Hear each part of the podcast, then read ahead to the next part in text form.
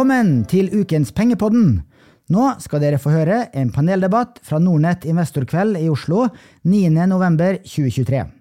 Deltakerne er hedgefondforvalter Tor Svelland i Svelland Capital, renteforvalter Katrine Foyn i Arctic Asset Management og analytiker i Nordnett Roger Berntsen. Temaet er markedsutsikter for finansmarkedene, spesielt renter, aksjer og olje. Mitt navn er Bjørn Erik Settem, og jeg er ordstyrer i debatten. God lytt! Velkommen til deg, renteforvalter Katrine Foyn. Takk, takk. Og velkommen til deg, kjære kollega Roger Berntsen. Takk for det. Og velkommen til deg igjen, Tor. Du blir sittende. uh, og nå skal vi eh, snakke litt om markedsutsikter for aksjemarkedet og for rentemarkedet. Litt om olje også, siden vi er nordmenn her som hører på der, så er oljeprisen veldig viktig for Oslo Børs og for uh, norsk økonomi. Men det viktigste valget for langsiktige investorer er valget av aksjeandel og renteandel i porteføljer. Det som på finansspråket kalles for strategisk allokering. Eh, valg som eh, timing, regioner, sektor, hvilke aksjer du skal velge. Det som kalles eh, haktisk allokering, som er en mer kortsiktig karakter, det er mindre viktig, viser forskning. Og det er lett å trå feil på disse kortsiktige valgene du tar. Eh, og I Norge så har det tradisjonelt vært mest vanlig med en 50-50-fordeling mellom aksjer og renter i det som er kalt eh, en balansert portefølje. Men de fem til ti siste årene så har pensjonsforvalterne gått gradvis over til en 80-20-portefølje med 80% aksjer, 20% renter. Eh, og f.eks. oljefondet har 70-30-fordeling. Nå er det mange som stiller seg et spørsmål om bør man revurdere denne strategiske allokeringa nå som renten ikke lenger er null, men rundt 5% Da kan du få 5% rente i et risikofritt likviditetsfond, obligasjonsfond med litt lengre rentebindingstid, likeså 5-6% Og eh, de fleste er enige om at aksjemarkedet er høyt prisa, og kanskje ikke eh, vil gi like god avkastning de ti neste årene som du har fått de ti foregående. Så la oss ta en runde i panelet her. Bør man endre den strategiske aktivafordelinga som man har hatt? Si at den er, for en norsk pensjonskunde da, er på 80 eh, aksjer, 20% renter. Hvis du sitter i en innskuddspensjonsordning og er under 50 år, så har du det. Katrine?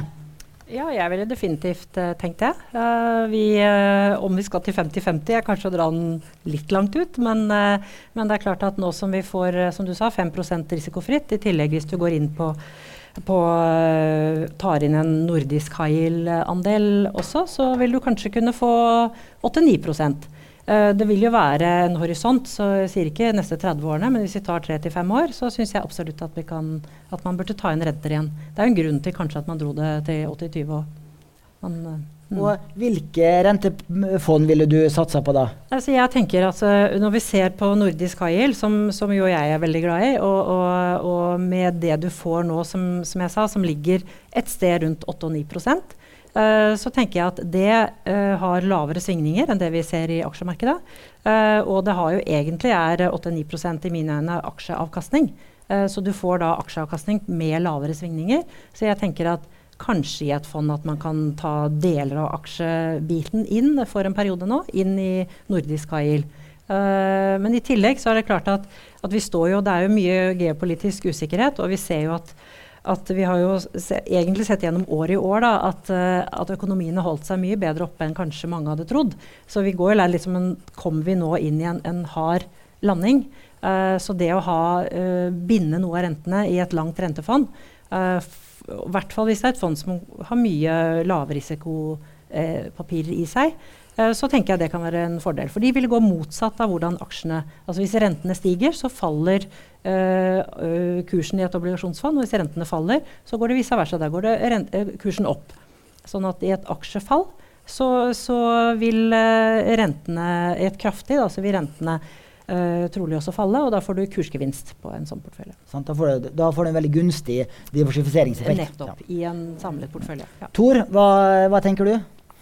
Altså hvis det, nå driver jeg med noe, noe, litt spesielt, så det er ikke så relevant for oss. Men hvordan vi ser det, og hvordan jeg ville anbefale eh, Family Office og enkeltinvestorer, så vil jeg si at eh, hvis du kjører 5 cash, cash eh, så mener jeg at det bør økes til sikkert 10% nå, kanskje litt mer. Eh, og være alltid tilgjengelig, for i høyere rentemarked på børsene så vil det alltid oppstå Eh, eh, eh, problemer på finansiering, og det vil komme muligheter som er ekstreme. Og på Oslo Børs har vi hatt flere emisjoner som har vært gjort ned både 40-50, og jeg var involvert i to som var ned 80 uh, Og det var hvor vi kunne da uh, være med fordi vi hadde kapital. Så jeg tror at det, i den perioden vi er i nå, så er det viktig å ha mer av det jeg kaller cash-cash. Ja, penger i banken. Penger i banken, likviditetsfond. Ja. Roger? Nei, altså For mitt vedkommende er det jo veldig enkelt, så jeg svarer jo det samme hver gang. Du vet at uh, Hadde jeg vært født og oppvokst i bondesamfunnet i USA, eller i Omaha, så hadde jeg blitt uh, sikkert uh, tatt inn i varmen hos Buffett. Og for hans del så handler det om ikke å ha cash. så du vet at det, i, i, min verden, og jeg prøver jo å inspirere i alle fall en yngre garde blant våre kunder, det er at du skal tenke opp for deg som eier. Det betyr at du skal, som investor skal du være investert i de gode selskapene, de som har et bra produkt, og som har the global presence, og som styres av uh, de beste folkene. Om de faller i kurs på børsen for det blir ruglete, så kommer de enda bedre tilbake når det snur. Så, så sitt i aksjer hele tida, er min, uh, min, min påstand. Men Warren Buffett har jo faktisk en ganske stor kontantandel i uh, investeringsselskapet Berkshire Hathaway for å ha en krigskasse på lager. Og det er fordi det er journalister som, som tror at det er tilfellet. Han, uh, uh, limet i Berkshire Hathaway det er jo forsikringsdivisjonen. Og, og, de må ha cash for å dekke sine, sine forpliktelser, altså police. Sånn at basically så er Buffett all in til enhver tid. Eh, for min egen del så er jo jeg eh, kjent som 100 aksjer til du dør. så, jeg mener jo strengt tatt at hvis du er risikovillig, eh, så bør du faktisk kunne følge den strategien. 100 aksjer livet ut. Fordi at mesteparten av pensjonsutbetalingene til Ola og Kari Nordmann de kommer fra folketrygden, og de er garantert. De er en statsobligasjon som stiger i takt med lønnsveksten. Eh, og for eh, gjennomsnittsnordmannen så utgjør pensjonsutbetalinger fra folketrygden mellom 70 og 80% av totale pensjonsutbetalinger. Eh, resten er jo da tjenestepensjon fra arbeidsgiveren din. Eh, og hvis du ser på da, to, eh, total aksjeandel i dine totale pensjonsutbetalinger, selv om du har 100% aksjeandel i jobbpensjon og på privaten, så har du fortsatt eh, bare eh, langt under 50% aksjeandel hvis du tar med folketrygden. Og det glemmer de fleste. Eh, så det er sagt. La oss snakke litt om utsiktene for aksjemarkedet. For det har vært en uvanlig sterk og lang oppgang i aksjemarkedet siden finanskrisen i 2008-2009.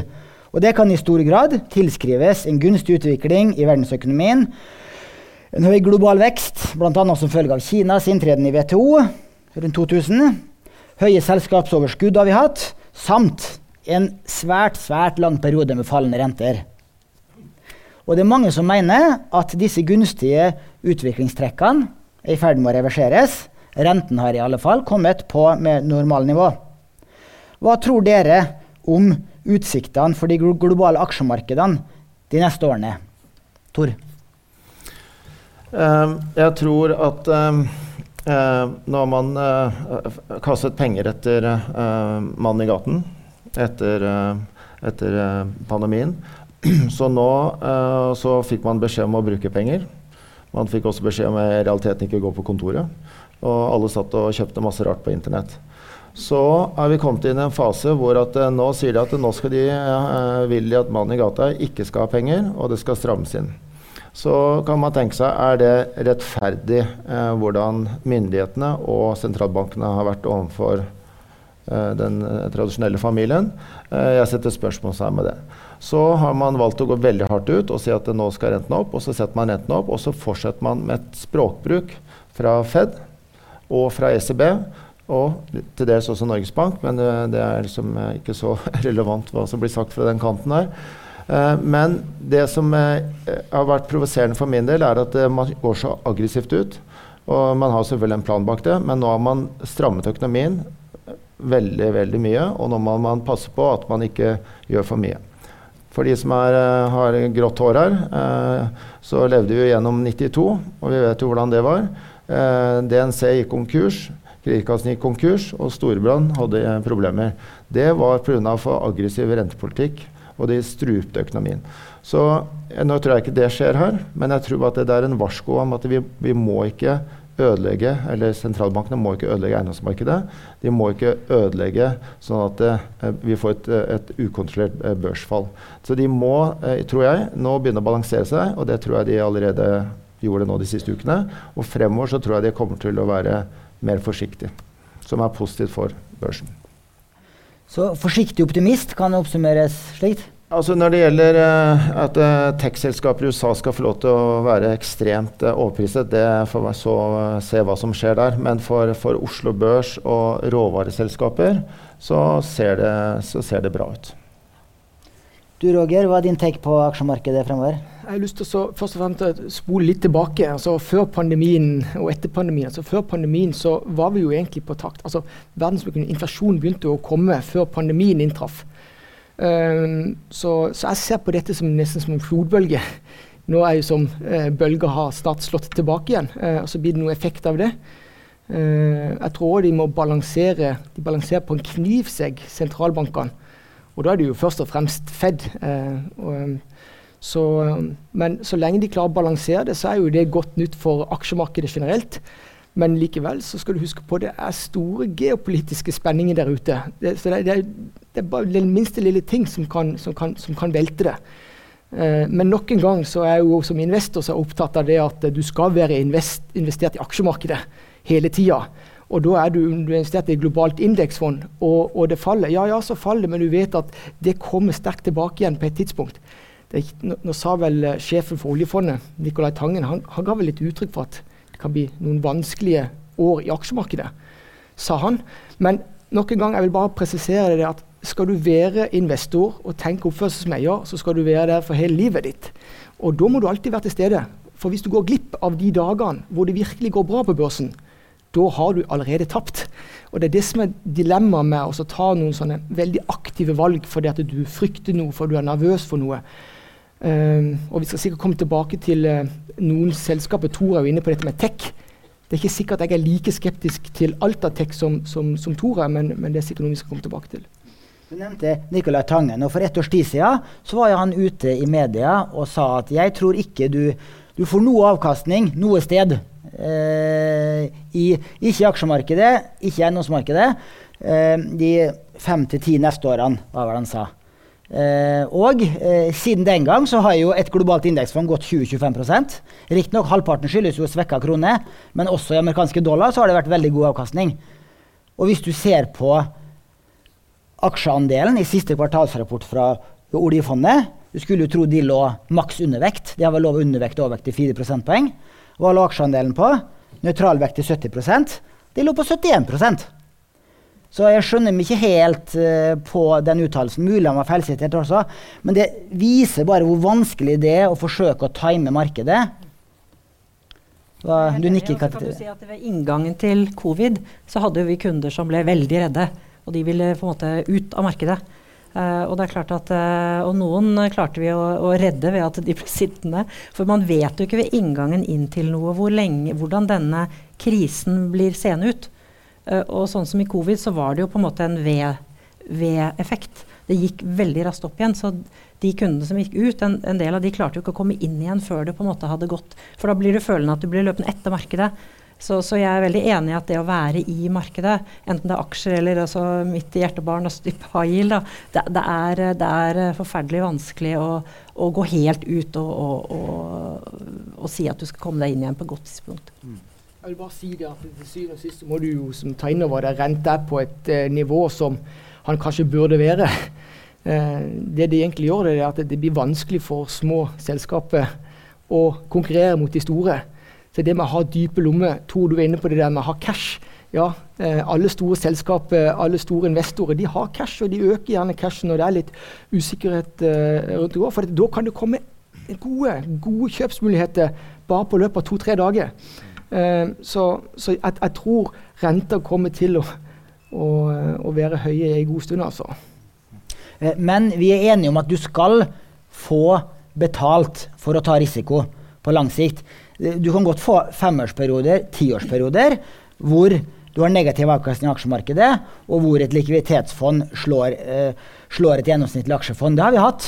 Eh, vi, har en, vi, vi, har ikke hatt 20-årsperioder i det amerikanske aksjemarkedet med negativ avkastning, men vi har hatt, vi har hatt et par tiårsperioder. Eh, men eh, vannet renner nedover, som du sier, Roger. Du skal få betalt for å ta risiko og for da sitte med aksjen fremfor å sitte med gjelda i et selskap på lang sikt. Men det kan gå lange perioder hvor det ikke er tilfellet. Og nå må jeg bare skyte inn, Du høres ut som Trygve Hegna nå. Han bruker det uttrykket gang på gang på gang hvis han er usikker. Vannet renner nedover. Det gjør ikke det hvis det er isfrossent, altså hvis det er frossent ute. Så renner ikke nedover. Ikke hvis det er for varmt og litt for mye trykk. Så er det ikke det. En kommentar, for at, uh, når du uh, sitter med om det er family officer, private mestere etc. Du sitter med x antall i, i, cash, og så vil du investere. Og så vil du være lang uh, aksjemarkedet, ha noe i, i, i bondsmarkedet. Men det som jeg tror er, er viktig at du ser helt inn opp med hva er avkastningen du kan få da i, i pengemarkedsfond etc. Det som hvis du sitter og velger fond, hvis du går eh, to år tilbake, så eh, gikk folk rundt og sa eh, vi er superflinke fond, og vi gir deg 6-8% avkastning. Du kan tenke deg at ja, det var bra når du fikk null eller negativt. Nå er verden annerledes. Og det betyr at eh, de som solgte det fondet, de har jo ikke noe fond lenger. Eh, de må eh, komme opp med andre avkastningstall. Og, og da betyr det også at de må ta høyere risiko. Så, så, så, markedet forandrer seg i den perioden vi er i nå. Og det er jeg helt enig med dere, at man må være investert. Du vil alltid ha korte perioder. Og som nevnte, I mars 2000, hvor vi gjorde det relativt bra, som dere så i sted, så var det jo eh, fordi at eh, man måtte kaste kortene. Man hadde ikke nok cash. Uh, I den perioden også så var det hele tiden den snakken fra Citadel og fra de Millennium og de store aktørene at cash is trash. Jeg syns det er et helt forferdelig uttrykk. Uh, og, og det, det, er bare sånn at det, det vil alltid være perioder uh, hvor man kan ha noe mindre, men må ha noe cash. Og være uh, investert. Hvor mye? I perioder kan du gjerne si at jeg vil bare være investert 30-40% Og du kan gjøre det bra med høy rente. Så det blir helt opp til hvilken risikoprofil og hvor mye er du villig til å tape i, i, i volatile markeder. Ja. Og selvfølgelig, eh, når du nærmer deg pensjonsalder og skal bruke pengene, da er det jo naturlig å ta ned aksjeandelen gradvis. Og det gjør jo alle pensjonsforvaltere. De eh, eh, rapper ned risikoen eh, frem mot pensjonsalder og i pensjonsaldertiden. Kan for øvrig nevne at Nordnett sin alderstilpassa pensjon som man får på pensjonskonto, den er den mest offensive. Den har 100% aksjeandel frem til 55 år. Det er vi alene i markedet om å ha. Og så har du 20 års nedtrappingsperiode. Så vi er mer offensive enn eh, de store pensjonsleverandørene. For vi mener at eh, den risikoen eh, den tåler de fleste å ta, og den bør du faktisk ta, siden brorparten av pensjonen din kommer fra folketrygden, som er garantert, som jeg sa i sted. Du, bare inn på det du sier der, for dette er litt morsomt. I England så, eh, så er jeg da arbeidsgiver, og jeg har eh, de ansatte. De må velge, jeg må gi, betale inn pensjon for dem. Og så må de velge mellom fire forskjellige fond. Og tenk på dette her. De åtte største posisjonene i alle de fire forskjellige fondene er tech-selskaper, og alle de heter det samme. Det er konsentrert risiko. Og det, også, det er jo tilfellet hvis du kjøper et globalt indeksfond nå. Da er det jo eh, veldig tungt vekt av tech. Der utgjør jo teknologisektoren noen og 20% Litt mer om rentemarkedet. For eh, nå kan du låne bort penger til den amerikanske stat i ti år og få 4,5% garantert rente i dollar. Så verdens viktigste rente, da, som denne tiårsamerikansk stat ofte kalles, den var under 1% i 2020 og 2021. Nå er den på 4,5 og har vært oppe på femtallet så vidt her for noen uker siden. En mindre kjent obligasjonsrente det er Treasury Inflation Protected Securities. Da kjøper du en tiårs eh, statsobligasjon som er inflasjonssikra. Du er garantert å få I dag ligger den på 2,2% Du er garantert å få 2,2% realavkastning de neste ti årene. Hvis du kjøper denne hipsen. Og i 2020 og 2021 så var denne realrenta negativ. Da var du garantert å tape penger hvis du ville låne penger til den amerikanske stat i ti år. Det syns jeg forteller ganske mye. Men Katrine, vi skal jo være glade for at det er positive realrenter igjen. For nullrenter og negative realrenter, gratis penger, det er vel et sykdomstegn? Definitivt. Vi så jo det, og som vi snakket litt om her òg, at det, jo, det, det skapes lett bobler i økonomien. Når det er gratispenger, så har man jo lett til Altså risikovilligheten øh, øker jo. Øh, fordi man ikke får noe penger på bankkonto, så går du kanskje lenger ut. Og så øh, kjøper du mer, høyere høyere risiko enn det du kanskje er komfortabel med også. Og det er lett å ta på seg gjeld, for gjelden koster jo ingenting. Så vi så jo eh, spesielt kanskje i eiendomsmarkedet, var vi litt inne på det, så har det jo en del selskaper der tatt på seg for mye gjeld. Uh, og det var greit når det kostet 1% og så plutselig så er vi ikke på 1% lenger, men vi er liksom 5% over der. Uh, og da Det som kanskje den største feilen som ble gjort der, var jo at en, en del ikke, ikke bandt rentene, da. Um, og det er jo lett å se i, i bakspeilet, selvfølgelig. Men, men, akkurat den eh, Så det at det bygges opp ubalanser, uh, og det er jo heller ikke bra for, for Norges Bank. Eh, de ser jo på finansiell stabilitet. Uh, en, uh, hvis du ser på banksektoren, så er det klart at det var vanskelig for de å tjene penger. Pensjonssystem, forsikringsselskaper. De er jo avhengig av en avkastning for å kunne opp, uh, opp, for, opp, altså sine, følge opp sine forpliktelser. og sist, men ikke minst, så kan du si at Norges Bank da, de, deres kanskje viktigste våpen, det er jo rentevåpenet. At når det er uh, trøbbel i økonomien, så, så, skal de kunne kutte renten for å få, prøve å få hjulene i gang igjen. Men det var ikke noe rente å kutte lenger. Så, så, det tror jeg tilbake til, til rentemarkedet nå. Så tror jeg at ja, hvis sentralbankene, som trolig kommer til å skje, at de må kutte renten noe tilbake på et eller annet tidspunkt, så ønsker de jo ikke å komme tilbake til null. For det, det er ikke sustainable. Bare, bare en kommentar på Eh, når det gjelder eh, denne økningen i renten, så er det sånn at i Norge så har man nesten alle har flytende rente. Du nevnte at man mm. burde selvfølgelig uh, hedget seg eller sikret eh, boliglånet. Men bare så I USA så er det helt vanlig, jeg vet ikke om det er 80, 90 eller 95% men nesten alle har lånene sine på 30 år. Så eh, normalt hvis rentene er det samme, så kan du bare flytte, og så får du et nytt lån på 30 år. Men alle har den samme på 30 år. I England så er det vanlig med to til fem år. Og du får ikke lov til å ta lån uten at det er sikkerhet for to til Så det er samme rente for de neste to til fem årene. I Sveits eh, siden jeg kan alt dette, for jeg har bodd i alle landet eh, Mens i Sveits så er det, eh, det er liksom useriøst hvis du søker om et eh, banklån hvis du tar under fem år. Det vanlige er igjen 10 og 20 år. Så i, i Sveits i 2017-18 så fikk du lån på 1 Du var liksom mellom 0,9 til 1,2. Kom om du var 5, 10 eller 15 år. Men så er det dette med Norge, at vi alle er flytende. Og det har noe med den risikovilligheten som er blant nordmenn.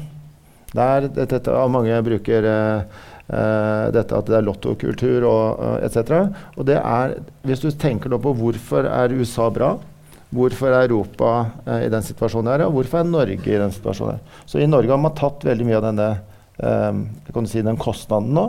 Så liksom det, blir det bedre. Mens i de andre landene så har man ikke fått den store regningen. Eh, I England så vil vi nå se det i løpet av neste året, til neste 18 måneder. Så får de det nye rentenivået. Eh, mens det som skjer da i USA, med at det, eh, du da har dette lånet på 30 år, men det gjør at du ikke kan flytte. For da må du refinansiere. Og da får du nytt nivå. Så, så det, i, i, USA så er det det store problemet nå. Det er at det, du rett og slett får ikke mobilitet. Så arbeidskraften, den er ikke mobil. Eh, hvis du ser på rentekurvene, som, som, eh, så viser de at eh, markedet tror at renta både i Norge og i USA eh, er nær toppen og skal nedover de nærmeste årene. Eh, og, eh, men Roger, du har noen interessante synspunkter på hvordan AI vil påvirke både renter og inflasjon. Nå kommer vi tilbake på de tekstselskapene til Tor. og det, det, det er jo mange. Jeg vil si at for det første så vil jeg jo bare si det at vi lever jo nå i nerdens tids tidsalder. Og det er jo jeg glad for, for jeg er nerd, nerd selv. og Føler meg endelig hjemme. Og, og, så har vi et selskap som heter Nvidia, som um, tok hånd om oss som drev med dataspill back in the days. For å få bedre grafikk og skjermkort og, og sånt noe. Så viser seg at de GPU-ene, skjermkortene til Nvidia, plutselig be, fikk så ekstrem regneferdigheter at programmererne kunne simulere menneskehjernen Derav har du uh, OpenAI sin ChatGPT, som er funda av uh, Microsoft. Så Microsoft uh, er i førersetet her. Uh, de har en pipeline de neste sikkert fem-ti årene på å legge ut eh, produkter som gagner de selvfølgelig, men også som gagner kunden, til å effektivisere prosesser i bauger og kanter. Så jeg tror at det er noe der Nå er jeg født optimist òg, men jeg tror at det er noe der som gjør at det kan bli deflatorisk press i verdensøkonomien som en følge av det, at dette her er ikke noe sånn som det var under dotcom. Det som var utfordringa i dotcom, det var det at da var det bare luftige ideer. Men vi hadde ikke infrastrukturen. Sant? Så ingen hadde jo internett. Det husker vel du òg når du gikk på gymnas. Eller jeg gikk på gymnaset og måtte stå i kø for å komme inn på den browseren. og sånt. Men i dag infrastrukturen der. Det eneste som ikke er der, det er samhandlinga globalt. For Nvidia, de, de, uh, Nvidia, er jo et, et, et, selskap som har en fot i alle leirer. De, balanser, de balanserer på knivsegg med USA, med Kina, med Taiwan. Uh, men det som kjennetegner disse folkene som styrer det, Jensen Wang i, i, i, Nvidia, det er at de er ekstremt diplomatiske. Uh, så jeg håper og tror at det kommer til å gå bra, og at AI faktisk kommer til å deriske verden. For det og nå er jeg jo litt filosofisk. Jeg er nødt til å bringe noe filosofi opp her òg. Og det er, det er det, at uh, kunstig intelligensene fremstår i dag Ta sånn som ChatGPT til OpenAI. Open altså, språkbarrieren er brutt én gang for alle. Roten til, til, til problemet på, familie, på familien, på, på, landsnivå, på globalt nivå, det er jo kommunikasjonssvikt. At ikke de kan snakke samme språk, de forstår ikke hverandres kultur. Så nå tror jeg faktisk alle har fått en felles fiende. Om du, om du, er fra Kina eller USA eller hvor du er fra, til og med han der nede i Saudi-Arabia, de har fått en felles fiende. Plutselig er det noen som forteller dem på sekundet at du sier feil. og da, da, må, da må du, Så spillereglene har endra seg. Så jeg tror og håper at dette kommer til å gjøre faktisk verden litt bedre, og at alle innser at dette her er, dette her er Vi må endre taktikk på alle mulige områder. Ok, Så AI kan uh, gi lavere inflasjon, som fører til lavere renter, og også økt global vekst og økt samhandling. Ja. Det, eh, det er håper cocktail. jeg, jeg håper virkelig du får rett her. Vi trenger det i dagens geopolitiske situasjon, for å si det sånn. For den går jo i Det er jo liksom som du sa til å begynne med der, Bjørn, at det er jo litt sånn i, i revers. Uh, og vi, de får litt sånn dårlige sånn, vibber fra fra hva vi hadde back in the days når det var uh, Chinese walls, altså Øst- og Vest-Tyskland og osv. Og, og vi er jo litt, uh, litt der, føler jeg. Så jeg vet ikke helt om AI vil løse alt, men at definitivt at det vil være med på å kjøre inflasjonen uh, ned, det, det, vil det. Veldig bra. Vi må innom kronekurs og olje før vi tar pause. for som alle som har vært i utlandet i siste, uh, vet at uh, krona er lite populær. Ja, eh, nå står dollaren i over 11 kroner. For 10-15 år siden så var han på femtallet. Altså en, en, dobling i dollarkursen. En halvering av norske kroner. Det er ganske utrolig. Eh, vi som sitter med utenlandske aksjer og utenlandske fond, vi har jo fått eh, kjempegod avkastning, for at halvparten av avkastninga skyldes eh, kronesvekkelsen. Det lyver litt, for du har ikke fått økt kjøpekraft i utlandet av den grunn. Men Tor, hvorfor er kronen så upopulær? Det er eh, dessverre pga. Uh, norske politikere. Uh, de har skapt en um, uh, Nå har vi alle hørt om dette, her, men bare sånn som for, hvordan jeg ser det, og hva jeg, de jeg treffer av de større investorene, altså type BlackRock og i den typen der, så er det at hvis du sitter ute i den store verden og så ser du på hvor du skal allokere. Hvis du er en pensjonskasse eller om det er BlackRock eller hvem, hvem det måtte være, så sitter du og sier at ok, vi allokerer så mye til Europa, så mye til USA. Og så i, i, i, i Europa så sier at ja, 2% av kapitalen sitter da i, på Oslo Børs. Og så kommer de ut og gjør det de gjør på lakseskatten. Eh, og så gjør de det på, på renewable. Og det er øyeblikkelig, eh, med da de tapene som påføres på disse pensjonskassene og andre investorer, så sier de med en gang hei, hei, hei, her må vi passe oss litt. Eh, her er det politisk høyere risiko enn det vi trodde. Her har vi tolket eh, landet feil, eh, og da må vi redusere. Så i mange tilfeller så går de da fra en type 2% av dette store multifond, eh, og da sier de at vi tar det ned til null, eller 0,2 eller 0,5. Og det har jo allerede skjedd. Personlig jeg trakk ut 700 millioner kroner øyeblikkelig. jeg var veldig heldig. det var mer flaks, men jeg hadde ikke noen lakseaksjer og hadde ikke noen energiaksjer som ble berørt. Men det satte et støkk i meg, som er pro Oslo Børs. Jeg har, vært, jeg har promotert Oslo Børs uh, så lenge jeg har vært i business. Um, men det, det, har satt et støkk med de store, og det kan ta lang, lang tid. Så hvis ikke det her snus på et eller annet tidspunkt, så uh, vil vi ikke få den storkapitalen ute, vil ikke investere på Oslo Børs.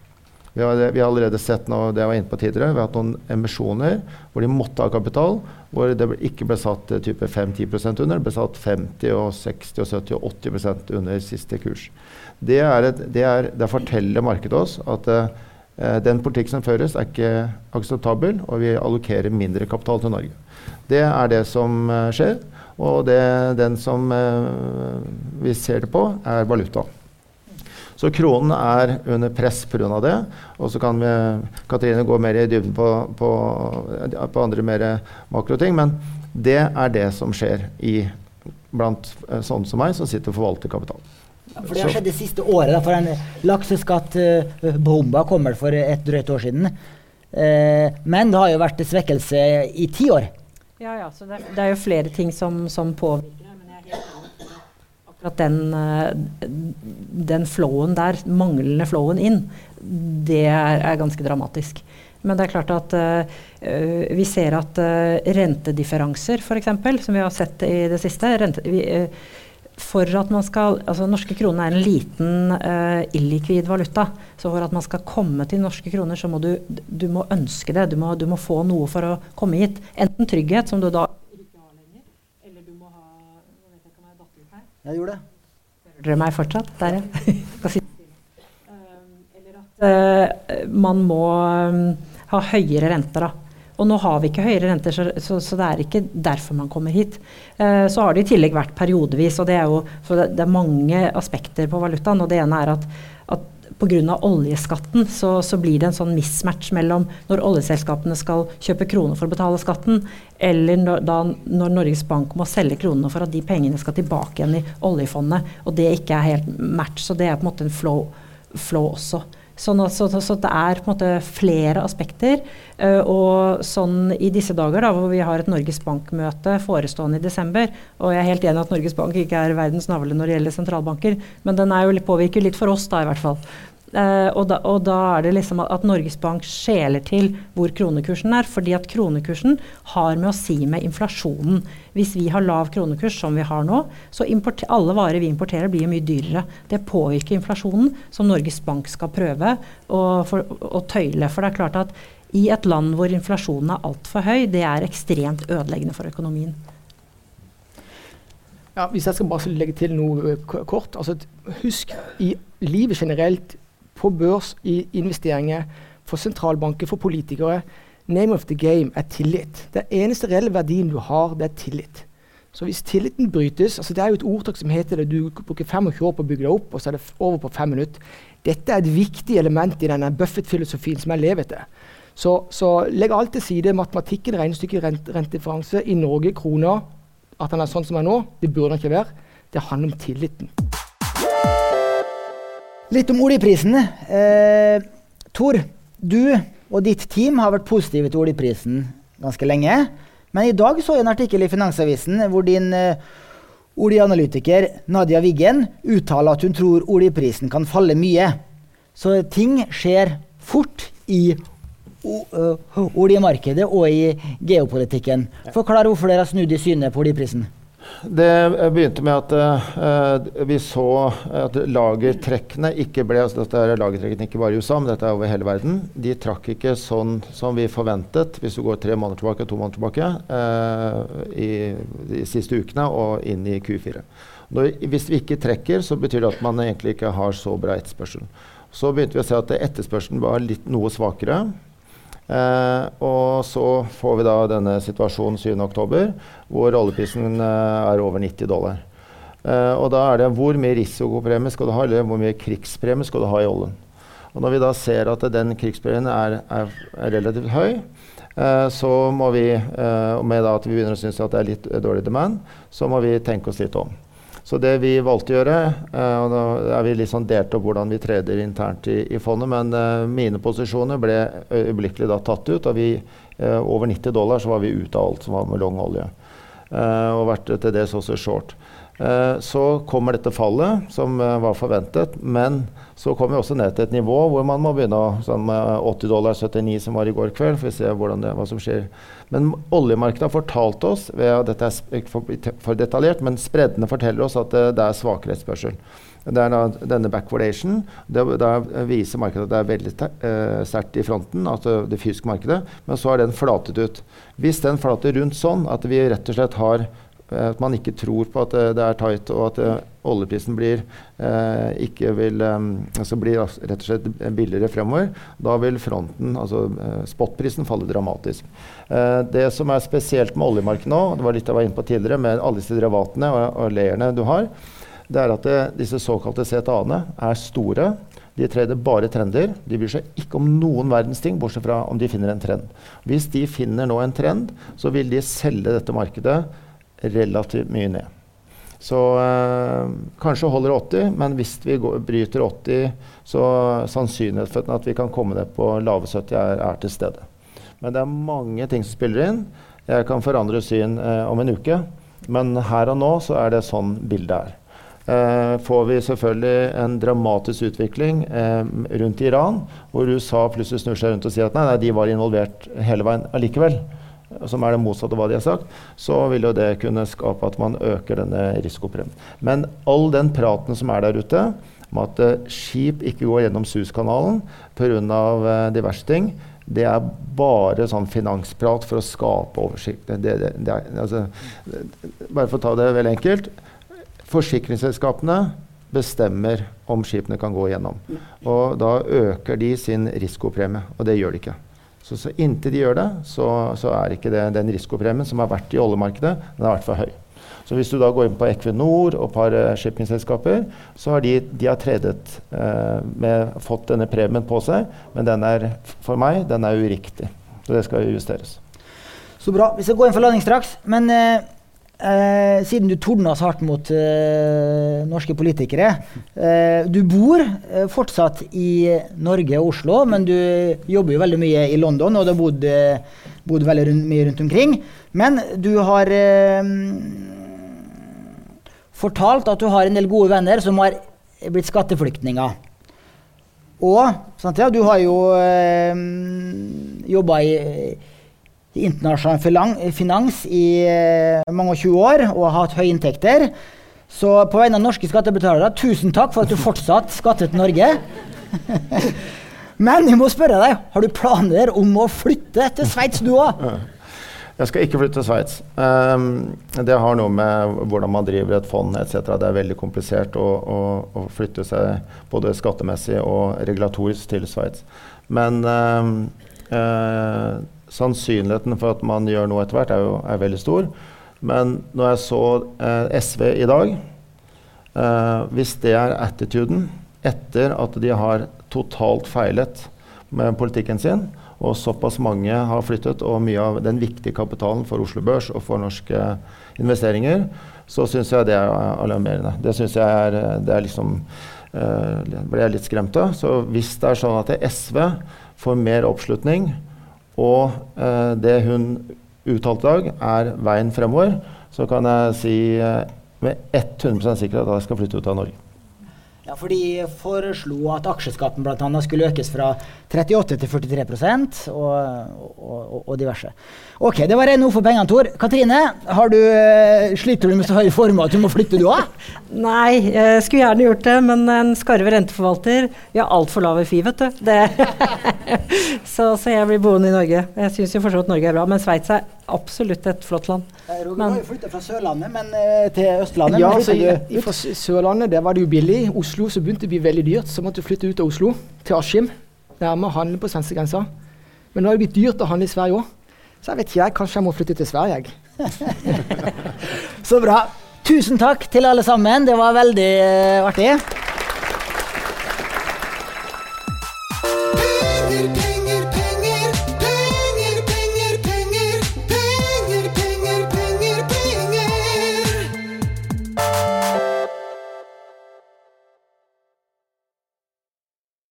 Denne podkasten skal anses som markedsføringsmateriell, og innholdet må ikke oppfattes som en investeringsanbefaling.